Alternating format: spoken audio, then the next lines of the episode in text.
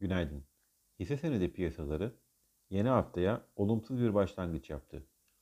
Covid-19'un Delta varyantına ilişkin artan endişeler satışların ana nedeniydi.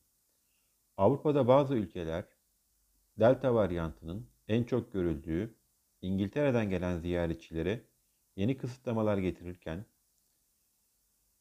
Almanya ise seyahat kısıtlamalarının Avrupa Birliği genelinde e, alınması konusunda çalışmaların yürüttüğüne ilişkin haberler Avrupa'da borsa endekslerini olumsuz etkiledi.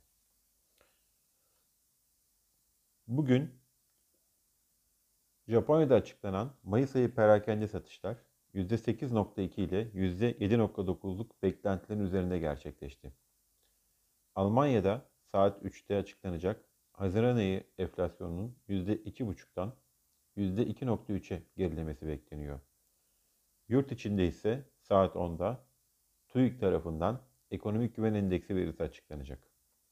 Borsa İstanbul, yurt dışı hisse senedi piyasalarında görülen satışlara paralel dünkü işlemlerde %1.34 değer kaybı ile 1373 puan seviyesinden günü tamamladı.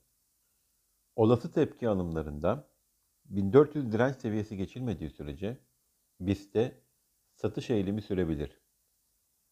Beklentimiz her ne kadar bu sabah Asya tarafında satış baskısının sürdüğü ve Amerika'da vadeli endekslerin de hafif satış eğilimi içinde olduğu görülse de BIST için gün içinde tepki alımlarının görülebileceği yönündedir.